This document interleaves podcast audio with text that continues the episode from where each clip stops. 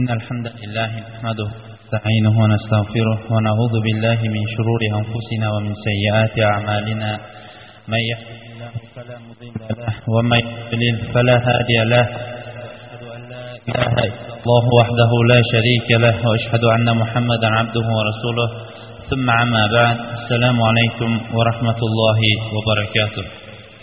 odatdagidek navbatdagi suhbatimizni boshlashdan avval men alloh subhanava taoloning go'zal ismlari va oliy sifatlari bilan ushbu majlisimizni muborakli majlislardan qilishligini va tarqalishligimizda alloh subhanava taoloning ilm halaqalarini qidirib yuruvchi farishtalari bizlarga qarata ey ollohning bandalari endi sizlar o'rninglardan turaveringlar vaholanki sizlarning gunohinglar endi kechirilindi degan majlislardan qilishligini va shuningdek o'tgan va bu juma orasida bo'lgan xato va gunohlarimizni alloh subhanava taolo kechirishligini so'rab suhbatimizni boshlaymiz. Alloh subhanava taologa beadad bo'lsin.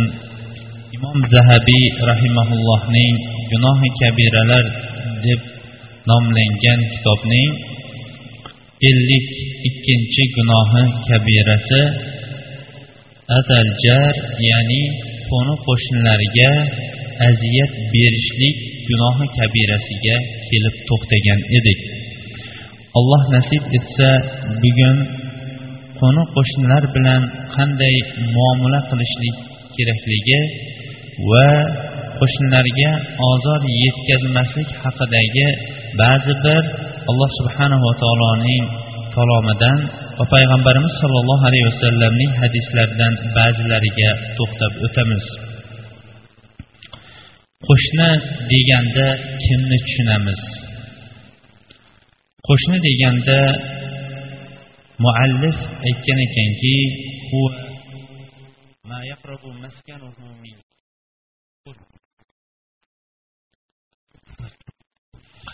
qo'shni sizga yaqin yashagan har bir kishi qo'shni desa boshqalari aytgan ekanki sizning uyingizga sizning uyingizning devoriga uning devori yopishib turgan kishi qo'shni bo'ladi desa imom shofiy va ahmad ibn hambal rahimaullohday mazhabidagi ulamolar aytgan ekanki o'ng tomoningizdan qirq uy chap tomoningizdan qirq uy oldingizdan va orqangizdan qirq uygacha bo'ladigan masofalik o'rin bu o'sha qirq uygacha bo'ladigan shaxslar bular qo'shnilar hisoblanadi deyishgan ekan. Boshqa ulamolar aytganki qo'shni degani buni biron bir tahdid chegara bilan chegaralab berib bo'linmaydi. Balki har bir urf o'zi qo'shnilar qanchalik ekanligini qaysi joygacha qo'shnilar yashab turgan odamlar bir biriga qo'shni bo'lishligini urfning o'zi belgilab beradi deyishgan ekan. Lekin imom shofiy va ahmad ibn hambal mazhabidagi ulamolarning gapida ham va keyingi ulamolarning gapida ham ancha jon borligi ko'rinadiki chunki urf qirq uydan narrog'ini hech qachon qo'shni demaydi. Albatta qirq uy atrofingizdagi qirq uyning chegarasidan o'zingizga yaqin bo'lgan tomonining hammasi qo'shni bo'lib ketaveradi. Alloh subhanava taolo bu koinotga insonlarni yaratar ekan insonlarning mo'min bo'lishligini istab mo'minlarni esa hamma tomonlama va hammaga ham nafli va foydali bo'lishligini xohladi. Abdulloh ibn umar roziyallohu anhu imom buxoriy rahimaulloh rivoyat qilgan hadisda aytadiki bir kuni biz payg'ambarimiz sollallohu alayhi vasallamning huzurlarida o'tirgan edik. Majlisda yoshlari katta bo'lgan sahobalar bor edi. Payg'ambarimiz sollallohu alayhi vasallam bir daraxt bor. Bu daraxt xuddi mo'min kishiga o'xshash foydali daraxt dedilar. Bu daraxtning nomi nima ekanligini bilasizmi deganda sahobalar o'ylanishib qoldi deydi. Men yoshim kichik bo'lganligim uchun botinib ayta olmadim. Biroz turgandan keyin payg'ambarimiz sollallohu alayhi vasallam aytdiki bu xurmo daraxti dedi. Yo'lda qaytib ketayotganda dadamga aytdimki men o'sha daraxt qaysi daraxt ekanligini bilardimu lekin payg'ambarimiz sollallohu alayhi vasallamga botinib buni aytolmadim deganimda ey o'g'lim aytavermabsizda shoyatki rasululloh sollallohu alayhi vasallamning biron bir duolariga musharraf bo'lib qolardingiz dedilar. Demak bu hadisdan oladigan foydamiz shuki mo'min kishining hamma o'rni foydali avvalambor foydasining nafi o'ziga tegadi. Keyin esa foydasining nafi atrofdagilarga tegadi. Bugungi mavzuimiz modomiki qo'shnilar haqida bo'lar ekan alhamdulillah hammamiz ham mo'minmiz hammamiz ham musulmonmiz. Mana bu hadisga muvofiq hammamizning ham nafimiz o'zimizdan keyin tegadigan odamlarning birinchilari albatta bizga yaqin bo'lgan odamlardan boshlanmoqligi kerak.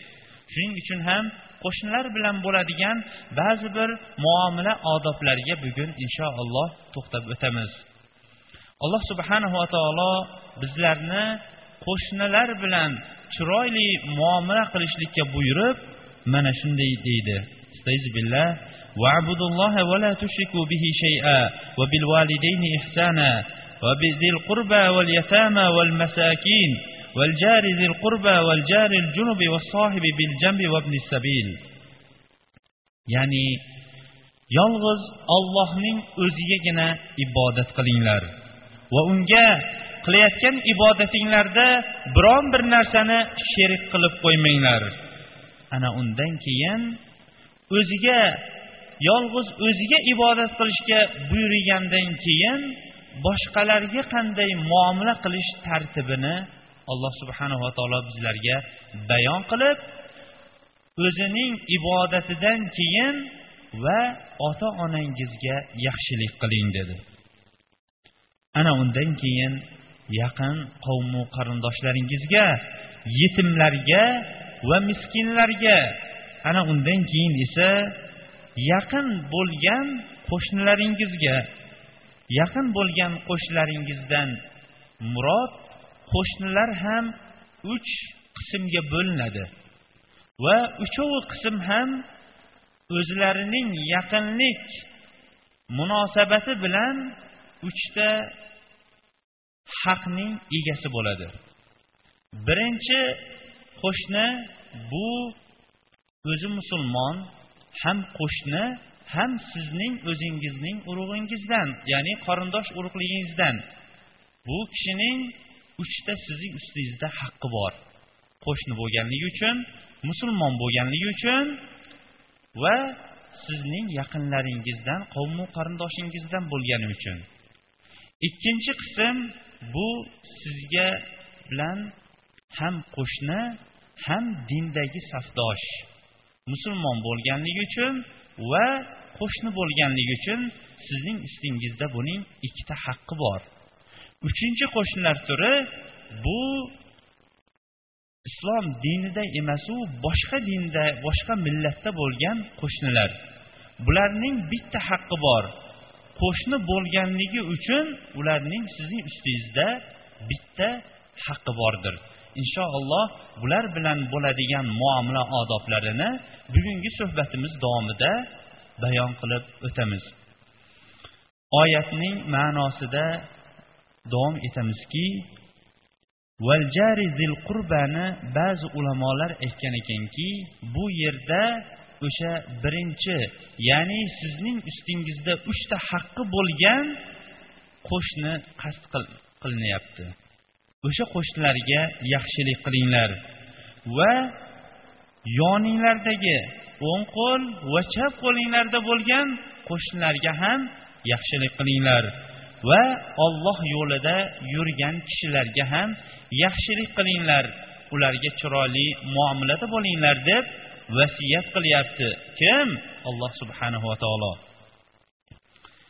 Payg'ambarimiz sollallohu alayhi vasallamning sunnati mutahharalariga agar bir nazar soladigan bo'lsak imom ahmad imom buxoriy va muslim rivoyat qilgan shayx albani sahih degan hadisda an abi هريرة رضي الله عنه أن رسول الله صلى الله عليه وسلم قال من كان يؤمن بالله واليوم الآخر فلا يؤذي جاره dedilar ya'ni kim ollohga va oxiratga iymon keltirgan bo'lsa qo'shnisiga ozor yetkazmasin deganlar payg'ambarimiz sollallohu alayhi vasallam qo'shniga yaxshilik qilishlikni ham qo'shniga ozor yetkazayotgan yomonligini yetkazayotgan odamni ham ollohga va oxiratga ya'ni iymon ustunlarining asoslarini zikr qilib turib mana bunda iymoni mukammal bo'lgan odamlar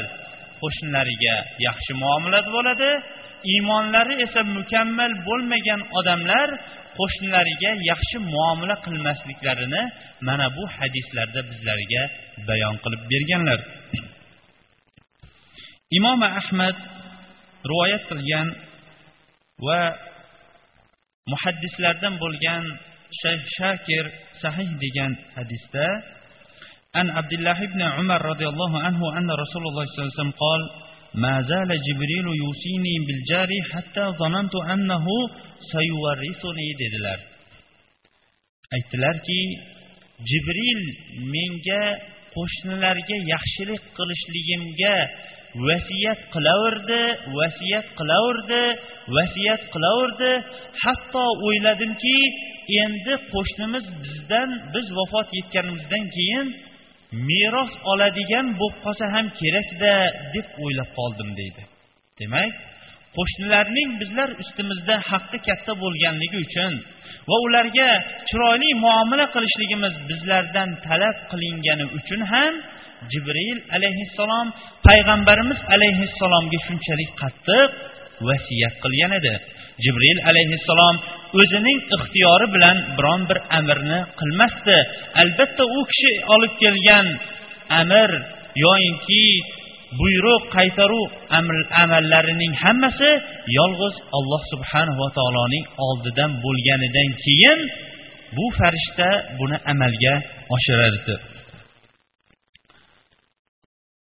payg'ambarimiz sollallohu alayhi vasallam imom termiziy rivoyat qilgan va shayx albaniy sahih degan hadisda an abi hurayra roziyallohu anhu anna rasululloh sollallohu alayhi vasallam qol ittaqil maharima takun a'badun nas wardi bima qasamallohu lak takun agnan nas va ahsin ila jarik takun mu'minan dedilar bu hadis hammamizni ham dunyoda eng saodatli odam kim desa falonchi deb ko'rsatib bera oladigan odamlar qatoriga kirgiza oladigan hadisdir.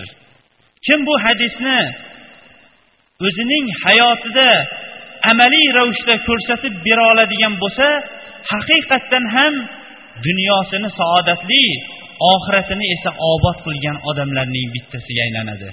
Payg'ambarimiz sollallohu alayhi vasallamning kalimalari ko'p uzoq vasiyatlardan iborat emas edi. Balki qo'lda sanoqli qo'lda sanasa sanay oladigan kalimalardan iborat ediyu lekin ichiga jomil kalim. O'zi lafzlari ozu lekin ma'nosi keng bo'lgan kalimalarni o'z ichiga olgan hadislardan iborat edi. Bu hadis ham hammamiz uchun ham nihoyatda katta qoidadir. Shuning uchun ham hadisni tarjima qilingan vaqtida eslab va amal qilishlikka harakat qilib qolaylik. Aytdilarki alloh subhanahu va taolodan alloh subhanahu va taolo harom qilgan narsalarning hammasidan taqvo qilib chetlaning insonlar ichidagi eng obid odamlarga aylanasiz.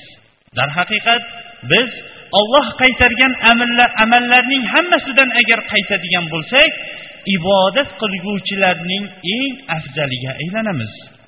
Va aytdilarki alloh subhanava taolo sizning taqdiringizga bo'lib qo'ygan narsalarga rozi bo'ling. Eng boy odam bo'lasiz dedi. Payg'ambarimiz sollallohu alayhi vasallam haqiqiy boylik ollohning bizning taqdirimizga yozib qo'ygan taqdirga va taqdirimizda hal bo'lgan amalga rozi bo'lishlik bu haqiqiy boylik dedi. Ha agarki dunyodagi boyliklar ham boylik hisoblansa ham lekin haqiqiy boylik bu qalb boyligidir. Ne ne boylar bor lekin qalbini ochib ko'ring qalbi nihoyatda faqir. Siz faqir deb o'ylagan odamlardan ham qalbi faqir faqirroqdir nima uchun? Chunki uning qalbi hali to'ymagan. Qalbi qachon? Iymon bilan va alloh subhanahu va taolo buning taqdiriga yozib hal qilib qo'ygan amallar bilan taqdirini hal ekanligini mana shu narsaga hal bo'lganligi va buning taqdiriga o'shagina yozilganligiga qalbi to'ymas ekan. Hech qachon insonning nafsi ham ko'zi ham to'ymaydi. Payg'ambarimiz sollallohu alayhi vasallam dunyo bobida aytdilarki min zahabin latamanna thaniyata va la yamla'u fam ibn adama illa dedilar. Ya'ni odam farzandiga agar bir vodiy tilla berilganda edi u ikkinchi vodiy ham yana bir vodiy tillam bo'lsa edi deb orzu qilardi. Lekin insonning og'zini faqatgina tuproqgina to'ydiradi dedi. Bu hadisda esa qalbini olloh taolo mening taqdirimga mana shu narsani yozgan ekan deb qalbi bilan rozi bo'lishlikni bu haqiqiy boylik deb aytdilar. Hadisning davomida bizning mavzumizga oid bo'lgan o'ringa to'xtab aytdilarki qo'shningizga yaxshilik qiling shunda mo'min bo'lasiz dedi. Subhanalloh. Qo'shningizga yaxshilik qiling mo'min bo'lasiz dedi. Endi biz o'zimizga o'zimiz bir savol berib ko'raylik. Mo'minligimizni agar biz davo qilayotgan bo'lsak besh vaqt namozni masjidning oldingi safida o'qiyotgan bo'lsak ahli ayolimizga va qo'ni qo'shnilarimizga bo'lgan muomalamiz qanday ekanligini ham bir hisob kitob qilib ko'rib ana undan keyin iymonimizdan chiqadigan tenglikni qanchalik ekanligini biz bir hisob kitob qilib ko'raylik. Mana bu payg'ambarimiz sollallohu alayhi vasallamning uchta vasiyatlarini kim agar hayotida tadbiq qiladigan bo'lsa darhaqiqat hayotini saodatli oxiratini obod qilgan odamlarning bittasiga aylanardi. Takror aytamiz. Birinchisi alloh subhanava taolo qaytargan narsalardan qaytishligi va alloh subhanava taolo taqdiriga yozgan narsalarning hammasiga rozi bo'lishligi ana undan keyin bizning mavzumizga oid bo'lgan qo'shnilariga yaxshilik qilishligi. Ham dunyosini ham oxiratini obod qiladigan amallarniki bittasidir.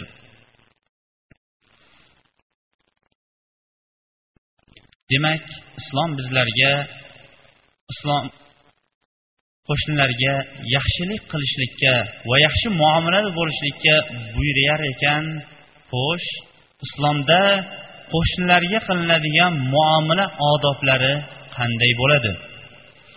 Qo'shnilarga yaxshilik qilishning eng birinchisi ular bilan bog'lanishlik va doimo ularga yaxshi muomala qilishlikdir. Shuning uchun ham ba'zi bir ulamolar aytgan ekanki qo'shningizning sizning ustingizda oltita haqqi bor. Birinchisi agar faqir bo'lib qoladigan va biron bir narsaga muhtoj bo'lib qoladigan bo'lsa qo'lingizdan kelsa o'sha muhtojligini qondirib qo'yishligingiz. Ikkinchisi agar qarz so'raydigan bo'lsa va qodir bo'lsangiz qarz berishlikka qarz berishligingiz. Uchinchisi agar yaxshilik yetib qoladigan bo'lsa xonadonida qo'shningizning xonadonida biron bir xursandchilik bo'ladigan bo'lsa o'sha xursandchiligiga sherik bo'lishligingiz va xursandchiligiga yana xursandchilik qo'shib qo'yishligingiz. To'rtinchisi uning teskarisi xonadonda ba'zan bo'lib turadigan biron bir musibat va qayg'u bo'ladigan bo'lsa qo'shningizga tasalli berib qo'yishligingiz. Beshinchisi agar bemor bo'lib mazasi qochib kasal bo'lib qoladigan bo'lsa ziyorat qilib qo'yishligingiz. Va oltinchi va oxirgisi agar vafot etadigan bo'lsa janozasida turib to qabristongacha kuzatib qo'yishligingiz. Qo'shnisining uyida nima bo'layotganligi qo'shnisining qozoni nimadan iborat qaynayotganligi yoyinki qo'shnisi hech kimdan xabarsiz qolib ketishlik illatlari bu musulmonlar tarixidan kirib kelgan illat emasdir. Inshaalloh buni mana bu bugungi mavzuimiz ba'zilarida to'xtab o'tamiz. Bu oltita qo'shni ustidagi haqlardan keyin sahobalardan buyuk sahobalardan bo'lmish abdulloh ibn amr ibn as roziyallohu anhu aytgan ekanki ulanib turuvchi kishi kim deganda aytgan ekanki doim siz bilan ulanayotgan odam bilan ulanib turgan odam bu haqiqiy ulanuvchi deyilmaydi. Haqiqiy ulanuvchi bu o'rta buzilib o'rta kesilib qolgan odamlar bilan borib bog'langan odamlar haqiqiy ulanuvchi va bog'lanuvchi odamlar degan ekanlar. Va haqiqiy rahm halim sifatiga ega bo'lgan odamlar sizga halimlik qilgan vaqtida siz ham halimlik qilib qo'yishligingiz bu haqiqiy halimlar emas. Lekin sizga qachon dag'al qo'pol muomala qilgan vaqtida siz halimlik bilan muloyimlik bilan muomala qilishligingiz bu haqiqiy muloyimlik degan ekan. Abdulloh ibn amr ibn as roziyallohu anhu ikkinchi qo'shnilarga qiladigan muomala chiroyli muomalalarimizdan ikkinchisi qo'shnilarga ozor yetkazmaslik. Payg'ambarimiz sollallohu alayhi vasallam imom muslim va ahmad rahimahumulloh abu hurayra roziyallohu anhudan rivoyat qilgan hadisda anna rasululloh sollallohu alayhi vasallam qol la yadkhulul jannata man la ya'manu jaruhu bawaiqahu.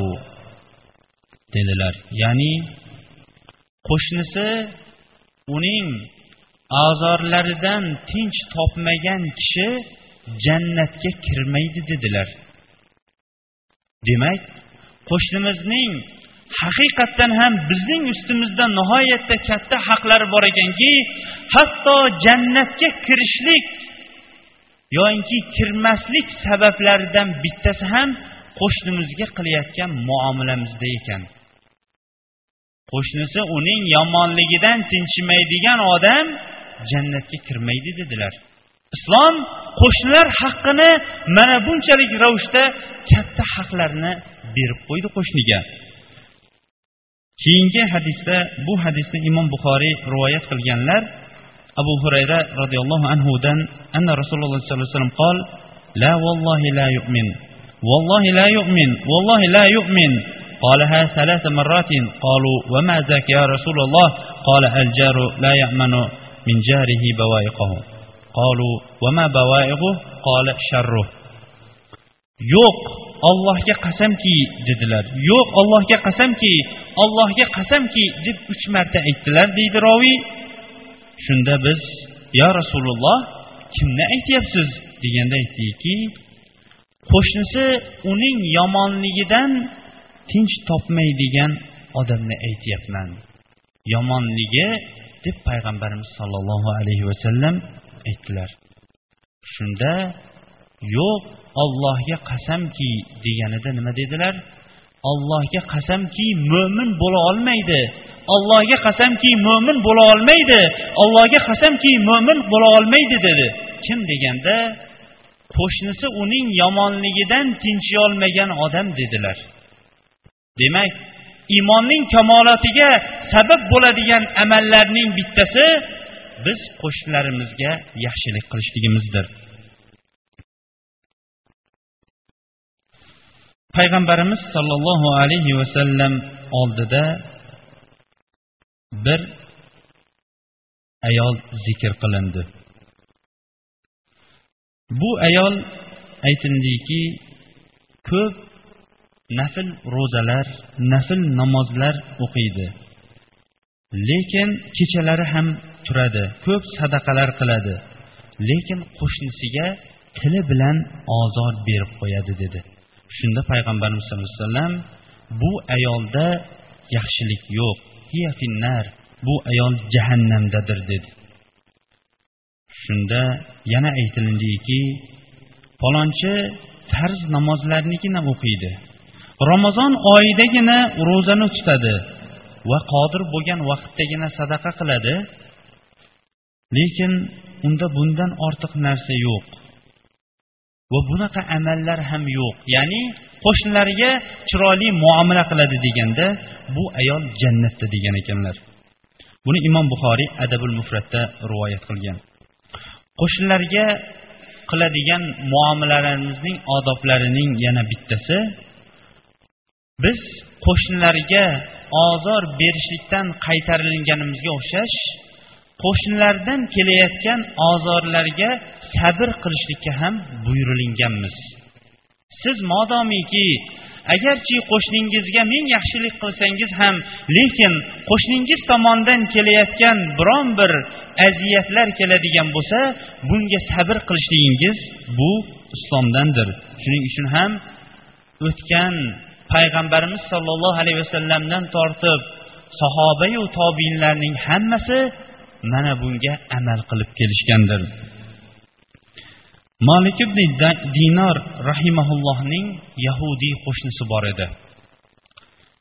Bu yahudiy qo'shni o'zining qalbidagi yaramas illati bilan o'zining hojatxona xolosini burib molik ibn dinorning hovlisi tomonga qildida hojatxona chiqadigan najosat devorini ham zaifgina qilib olib qo'ydi. Ozgina o'tgandan keyin devor o'z kuchini yo'qotib hojatxonadan chiqadigan iflosliklar najosatlar molik ibn dinorning hovlisiga oqib kirardi. Molik ibn dinor bu najosatlarni qo'shnisiga ham boshqalarga ham arz va shikoyat qilmasdan kunduzi yig'ib qo'yib kechqurun hech kim ko'rmaydigan vaqtda uni olib borib najosatlar to'planadigan o'sha axlatxonaga topshirib qo'yardi shunda bu uzoq vaqtgacha davom etdi deydi. Molik ibn dinor rahimaullohga o'lim vaqti kelib qolgan vaqtda qo'shnisini chaqirdi. Va o'sha o'rinni ko'rsatdi. Aytdiki bu bir necha yillardan buyon men bu amalni qilib kelyapman. Birinchi oshkor qilayotgan kishim siz bo'lasiz.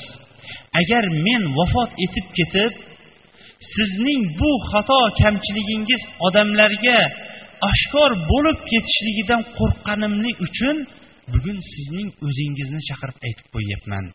Menga o'lim soati kelib qoldi. Agar ertaga o'lib qoladigan bo'lsam bu aybingiz ko'pchilikka ochilib ketadi.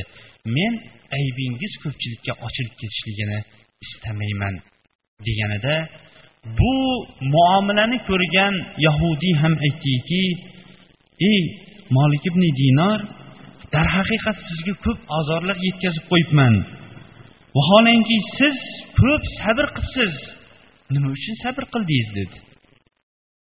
Nima uchun sabr qildingiz degani yahudiylar ham o'zlarining diniga nihoyatda mustahkam amal qilishadi ahli kitoblar ichida.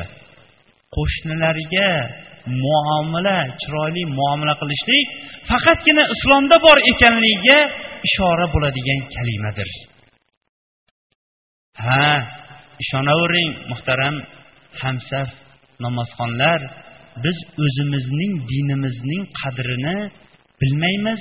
Yoyinki yuzga o'n yoki besh foiznigina amal qilganligimiz uchun biz dinda bir qaloq odamlarga o'xshab turganimizning holatlariniki sabablarining bittasi shu bo'lsa kerak. Hatto yahudiy ham bu qo'shnilikka yaxshilik qilishni ajablanib so'radi.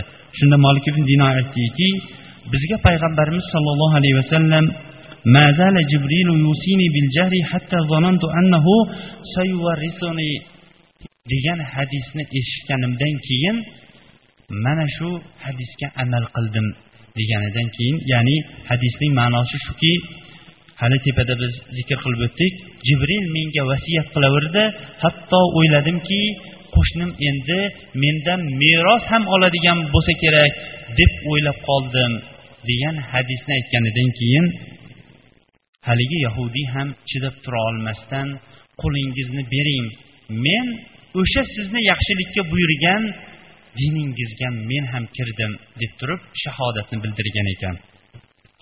Qo'shnilarga qiladigan muomalamizdan yana bittasi ular agar muhtoj bo'lib qoladigan bo'lsa ularning muhtojligini qo'limizdan kelganicha qondirishligimizdir.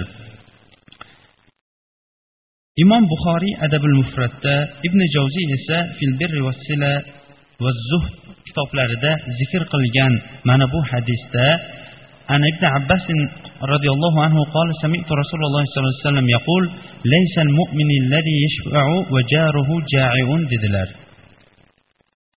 qo'shnisi och bo'lib turib o'zi to'q o'tirgan kishi mo'min emas dedilar Takror aytamiz qo'shnisi och bo'lib turib o'zi to'q o'tirgan odam mo'min emas dedilar.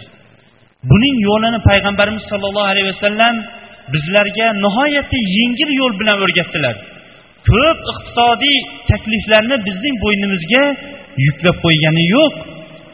Aytdilarki agar birontangiz sho'rva qiladigan bo'lsangiz ya'ni suyuq ovqat maraqdan murod agar sho'rva deb biz o'zbek tiliga tarjima qilsak suyuq ovqat suvni ko'proq qo'shsin va qo'shnilarga ham taqsimlasin dedilar. Demak bu bilan qo'shnilar orasida muhabbat alloh subhanava taolo bilan o'zini orasida esa bu haqni ado etganligi o'zining nafsida esa mo'minlik iymonida bo'lgan amalni ziyoda qiladigan amallarning bittasidir ishonavering qo'shningiz tinch siz tinch. Qo'shningiz to'q siz to'q. Shuning uchun ham islom birinchi yaxshilik qilishlikka buyurgan shaxslarning bittasi qo'shnidir. Agar qo'shningiz tinch bo'lmaganida siz masjidda xotirjam o'tira olmagan bo'lardingiz. Qo'shningiz och bo'lganida yana masjidda xotirjam bunday o'tira olmagan bo'lardingiz. Payg'ambarimiz sollallohu alayhi vasallam qiyomatda hisob kitob bo'ladigan amallarni sinf sinflarga bo'ldi. Inson o'zining hisob kitobini beradigan o'rinda eng birinchi hisob kitob qilinadigan amali namoz bo'ladigan bo'lsa eng birinchi husumatlashadigan odamlarni bularni qo'shnilar dedi. Imom ahmad va tabaroniy sahih isnod bilan rivoyat qilgan hadisda ibn amr roziyallohu anhudan qola qola rasululloh sollallohu alayhi vasallam avvalu xasmayni yawmal qiyamati jaran. Qiyomat kunida eng birinchi husumatlashadigan kishilar bular ikkita qo'shni dedi. Vo ajabo bu hadis agarchi o'n besh asr avval aytilingan bo'lsa ham xuddi bugun aytilinganga o'xshash. Odamlarni hozir tekshirib ko'ring. Yer talashib husumatlashayotgan ham o'sha odamlar o'sha qo'shnilar joy talashib husumatlashayotganlar ham o'shalar o'sha qo'shnilar. Biron bittasining soyasi ikkinchisiga o'tib ketganidan ham talashayotganlar o'sha qo'shnilar. Suvi ko'payib ketsa yoki kamayib ketsa borib husumatlashayotganlar bular o'sha qo'shnilar demak dunyoning o'zida. Vaholanki payg'ambarimiz alayhissalom oxiratdagini aytib qo'ydi dunyoning o'zida avvalambor husumatlashayotgan odamlar qo'shnilar. Qaysi qo'shnilar? Bular ollohning azobiyu oxiratdagi jannatdan ko'proq umid qilmagan qo'shnilar.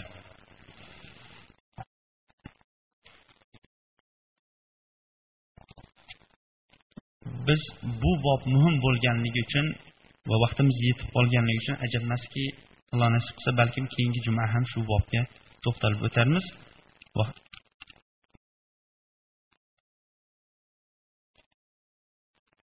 Inna lillahi va inna ilayhi rojiun.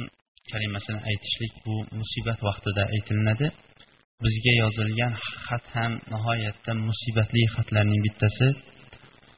Bizni ismimizni aytib aytyaptiki shu yerda qatnashayotgan kishilarga qimor o'yinlari to'g'risida yana bir bor eslatib qo'ysangiz debdi. Alhamdulillah bu sharit yozilayotgandan keyin uzoq emas eshigimiz tagida o'sha qimor haqida bo'lgan kasetalar berilyapti olinsa bo'ladi. Keyin aytyaptiki hozirgi kunda umumiy hamma joylarda bingo o'yini qancha qancha odamlarning ellik yuz ming tangagacha pulini yo'qotayotganligi. Bugun namozda o'tirgan bir kishimiz ham to'qson ming tangasini yutqazdi shu o'rinda shu pullarni savob ishlarga sarflasa yaxshi bo'lar edimi deydi. Bu topilinayotgan pullar albatta odamlar pullarni har xil topishadi. Ba'zilar tiyinlab yig'sa ba'zilar undan teparoqqa payg'ambarimiz sollallohu alayhi vasallam aytganlarki kishining to'rtta narsadan to'liq hisob kitob qilib bo'linilmagancha qiyomatda oyog'i jilmay turadi degan. Ya'ni o'rnidan qo'zg'almay turadi to to'rtta narsani to'liq hisob kitob qilib bo'lmagunicha degan. O'shalarning bittasi molini qayerdan topdi va qayerga sarfladi.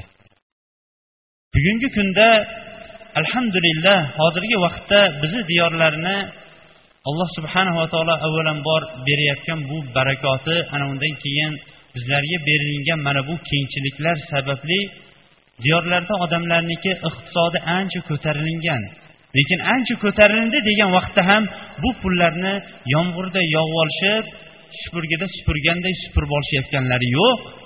O'sha to'qson ming o'tkazgan odamdan to'qson ming emas to'qqiz ming yoinki to'qqiz yuz tanga so'rasangiz biron bir qarindoshi yoinki biron bir bitmay qoladigan olloh yo'lidagi quduqmidi yo'lmidi masjidmidi bunga berishligiga ancha qiynaladi. Lekin bu amallarga qiynalmayotganligi qiynalmay turib sarflab yuborishligi endi farzandlarning ham haqqini bu yo'llarga sarflab yuborishligi endi nima deb ham bunga bayon qilishlikka olloh o'zi insofini bersin deyishdan boshqa gapga tilingiz aylanmay qoladi. To'qson ming degan bu ozmuncha gap emas. To'qson mingga ba'zi bir oilalar o'shani aylantirib bir oilani tebratib turgan gap degan gap bu. Biz yana takror aytamizki biz topayotgan har bir tiyin qaysi joydan kelgan va qaysi joyga sarflaganligimiz haqida to'liq hisobot berilib bu hisobot ana o'rniga yetib bo'lmagunicha bizning oyog'imiz qiyomatda qimirlamay turadi. Bu dunyolar bu dunyoning o'zida ham ko'pchilikning boshiga yo musibat yo rohat bo'lib tushayotganga o'xshash qiyomatda ham bizlarga xuddi shunday yo musibat yo rohatning o'zi bo'lib keladi. Payg'ambarimiz sollallohu alayhi vasallam jannatni nihoyatda qiyin narsalar bilan o'ralindi dedi. Jahannamni esa yengil yaltiroq narsalar bilan o'ralindi dedi. Bingoga kirayotgan odamga ham bugun kirsangiz ellik ming yuz ming tangangizni o'tqizasiz desangiz yo'q o'tkazmayman deydi. Lekin o'tqizib chiqib qo'yganidan keyin do'ppisini pastga bosadi shuning uchun ham islom o'zi qaytargan va harom qilgan ishlarga yaqin qilishlik u yoqda tursin yaqinlashishligidan qaytargan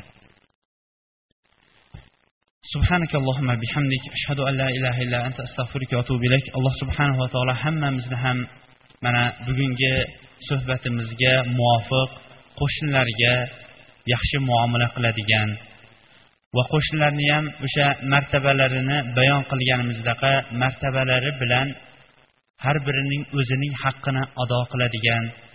Ana undan keyin alloh subhanahu va taolo qaytargan amallardan qaytib taqvoli kishilardan bo'lishligimizni alloh subhanava taolo harom qilgan qumor bo'lsin yoinki uning turlaridan va hamma hamma jahannamga olib boruvchi yaltiroq va yengil yo'llardan bizlarni va farzandlarimizni o'zi saqlasin.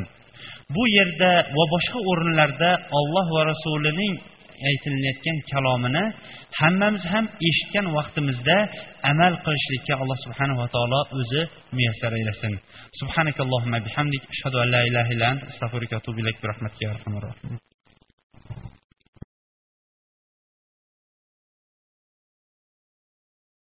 ونستعينه ونستغفره ونعوذ بالله من شرور أنفسنا ومن سيئات أعمالنا.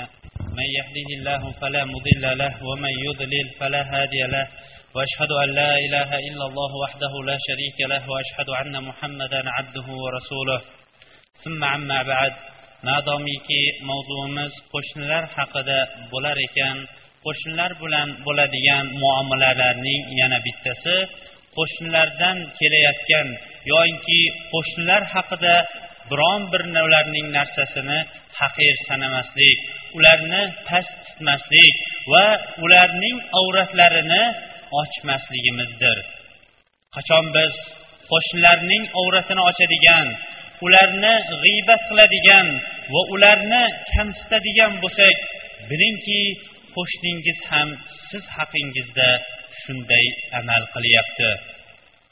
Arab tilidagi qoidalarning bittasi al jazau min jinsil amal. Ya'ni jazo o'sha amalning jinsining o'zida bo'ladi. Siz kimni ya'ni siz kimni g'iybat qiladigan bo'lsangiz bilingki sizni ham kimlardir g'iybat qiladi. Siz kimlarnidir urushib haqoratlab so'kadigan bo'lsangiz bilingki sizni ham kimlar bir haqoratlab urushib so'kadi. Yana arab tilidagi qoidalarning bittasi shuki falam annahu man naqal man naqala ilayk yanqul ank aytgan ekanlarki ba'zi donishmandlar sizga kim gap ko'tarib kelsa bilingki sizdan ham gap ko'tarib ketadi deb shuning uchun ham biz qo'shnilarga qiladigan muomalalarimizning yana bittasi ularning avratlarini bekitishlik. Ular haqida g'iybat qilmaslik faqatgina yaxshiligini oshirib yomonligini bekitishligimizdir. Payg'ambarimiz sollallohu alayhi vasallam qo'shnilar haqidagi bu bobdagi eng katta haqni ham bizlarga bayon etib ketdi. Ming afsuslarki bugungi kunda bizning jamiyatimizda qo'ni qo'shnining balki mahallaning hammasi turib o'rtada bo'layotgan janjal mana shu haqdandir. Vaholanki qaniydi amal qilsak bu o'n besh asr payg'ambarimiz alayhissalom xabar berib ketgan bu bu xabarlarga. Imom ahmad rivoyat qilgan bu allohu anhu qol qola rasululloh sollallohu alayhi vasallam payg'ambarimiz sollallohu alayhi vasallam bir kuni ashoblariga aytdiki zino haqida nima deysizlar? deganda ashoblari aytishdiki zino haromdir.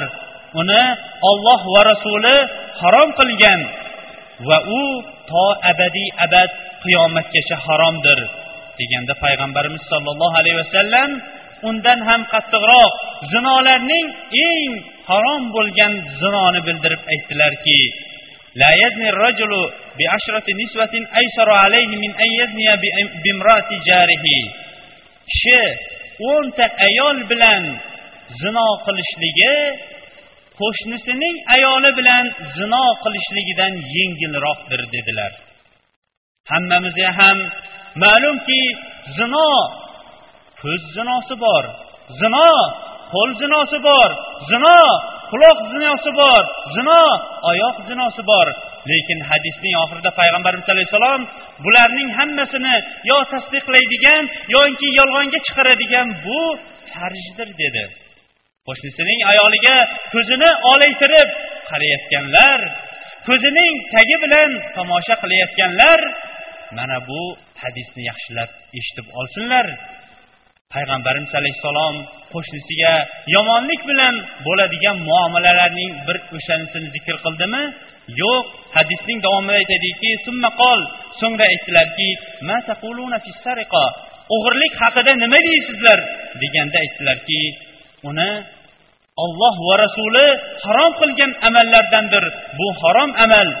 deganda payg'ambarimiz alayhissalom aytdilarki kishi o'nta uydan o'g'irlik qilishligi qo'shnisining uyidan o'g'irlik qilishligidan qilishligidan yengilroqdir dedilar. Demak biz qo'shniga xoh moddiy xoh ma'naviy ravishda yaxshilik qilishlikka buyurilar ekanmiz mana bu tomondan ham bo'ladigan amallarda ularga ko'p yaxshilik qilishlikka buyurilganmiz. Hozirgi vaqtda qo'ni qo'shnilar ichida bo'layotgan muomalalarni agar bir tekshirib qaraydigan bo'lsangiz yo kishi qo'shnisining ayoliga boshqa ko'z bilan qaraganligi yoyinki qo'shnisi uyga kirib chiqib ketganligi sababli biron bir narsa yo'qolganligidan qo'shnisidan ko'rilayotgan tuhmat yoyinki haqiqat mana shundan chiqayotgan muammolarga uchraymiz. darhaqiqat bizlarga islom qo'shnilarga har bir amalda yaxshilik qilishlikka buyurib payg'ambarimiz sollallohu alayhi vasallam la yu'minu ahadukum hatta yuhibba li axihi ma yuhibbu li nafsihi dedilar. Birontangiz mo'min bo'la olmaysiz. Ya'ni iymonning kamolotiga yeta olmaysiz. Hatto o'zingiz uchun yaxshi ko'rgan narsani o'zingizning birodaringizga yaxshi ko'rmagunicha. Darhaqiqat biz bilib bilmay qo'shnilarimizga ko'p aziyatlarni yetkazib qo'ydik. Mana bu o'rinda va mana bu soatda alloh subhanahu va taolodan ko'p mag'firat istig'forlar so'rab turib tavbalar qilaylikki ajab emaski alloh subhanahu va taolo tavbalarimizni qabul qilib gunohlarimizni kechirib mana bundan keyin qo'shnilarga va boshqalarga chiroyli muomala qiladigan bandalaridan qilsa astag'firulloh hammamizdan ham agar qaysi mazhabdasan desa yo ulgurib yo ulgurmay agarchi uyqusirab turgan bo'lsak ham alhamdulillah imom azam rahmatulloh alayh mazhabidaman deymiz. Imom azam rahmatulloh alayh darhaqiqat bu olamda qiyomatgacha ko'pchiligimizga o'rnak bo'ladigan amallarni qilib ketdi. Qani edi imom azam rahmatulloh alayhning qilgan amallarini biz quruq imom azam rahmatulloh alayh mazhabidan deb emas balki amalda ko'rsatib bersak. Nima uchun ular imom azamday katta imom azam va boshqalari mana bunday katta yuksak o'rinlarga yeta oldi. Qachon ular qur'on va hadisga amal qilganlaridan keyin islomga amal qilganlaridan keyin mana bunday buyuk o'rinlarga yeta oldi. Imom azam rahmatulloh alayhniki bir qo'shnisi bor edi. Bu qo'shnisi har kuni kechqurun go'sht baliq va xamir mast qiluvchi ichimlikni olib kelardi. Kechqurun go'shtni pishirib baliqni ham qovurib ana uni yeb bo'lganidan keyin mast qiluvchi ichimlikni ichib olib to tonggacha o'zining qo'shig'ini qo'shnilariga eshittirib aytib yurardi. Imom azam rahmatullohi alayh kechasi tahajjud namozini o'qirdi. Qo'shnisidan kelayotgan bu aziyatga sabr qilardi. Bir kuni kechqurun bu ovoz eshitilmay qoldi. Agar sizga shunday holat bo'lsa yoinki bizga bo'lsa aytamizki alhamdulillah olloh insof beribdi tinchibdi bu yaxshiroq yo yomonroq fikr aytsak aytamizki olloh o'zi tinchitgani shu bo'lsin deb. U kishi nima qildilar? Darrov chiqib so'radilar holiga nima bo'ldi deganda aytdilarki xabar keldiki uch kun bo'ldi bu qamoqqa zindonga tushib qoldi dedi. Darrov ertalab bomdodni o'qiganidan keyin o'zlarining hashirlariga minib qarang bu kishining tavozusini tavozu bilan yurgan hashirlariga minib darrov bag'dodning amiriga bordi. Bag'dod amiriga kirganidan keyin amir ham bu imomning kelganini ko'rib darrov istiqbolga chiqib kutib oldi va hojatini so'radi. Hojati o'sha o'zining piyanista bo'lgan qo'shnisini ozod qilishlik ekanligini bilgandan keyin bu imomning qo'shnisini va imomning qo'shnisi bilan birga yotganlarning hammasini ozod qilib yuboringlar dedi. Shunda imom hokimiyatdan chiqqanidan keyin qo'shnisi va qo'shnisi bilan birga zindonband qilingan odamlar orqasidan ergashib keldi. Uyiga kirib ketishdan avval imom orqasiga qaradida ya'ni abu hanifa rahimaulloh qo'shnim sizning haqqingizda biron bir kam amal qilib qo'ydingmi? Ya'ni sizga yetgan musibatga biron bir yordam yetkazolmadingmi deganda yo'q balki yordamingizni oshig'i bilan bajardingiz. Allohga qasamki bugundan boshlab men endi aroq ichishlikni tashlayman degan ekan. Darhaqiqat yaxshilikdan yaxshilik chiqadi demoqchi sizu bizning xotirjamligimiz tinchligimiz xoh iqtisodiy xoh ma'naviy ravishdan ulg'ayishligimiz uchun asosiy sabablarning bittasi bizlarning qo'shnimiz bo'ladi. Shuning uchun ham ularga avvalambor olloh va rasuli buyurgani uchun ana undan keyin o'zimizning iymonimizni kamolotiga yetkazishlik uchun ularga yaxshilik qilishlikka buyurganmiz.